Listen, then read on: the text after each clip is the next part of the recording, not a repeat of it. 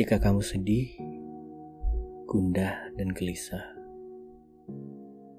aku yang berdiri jauh tidak bisa menghiburmu.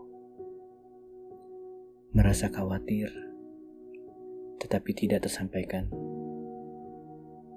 Kau pun menangis dalam sedihmu. Tahukah kamu, aku ada di sini.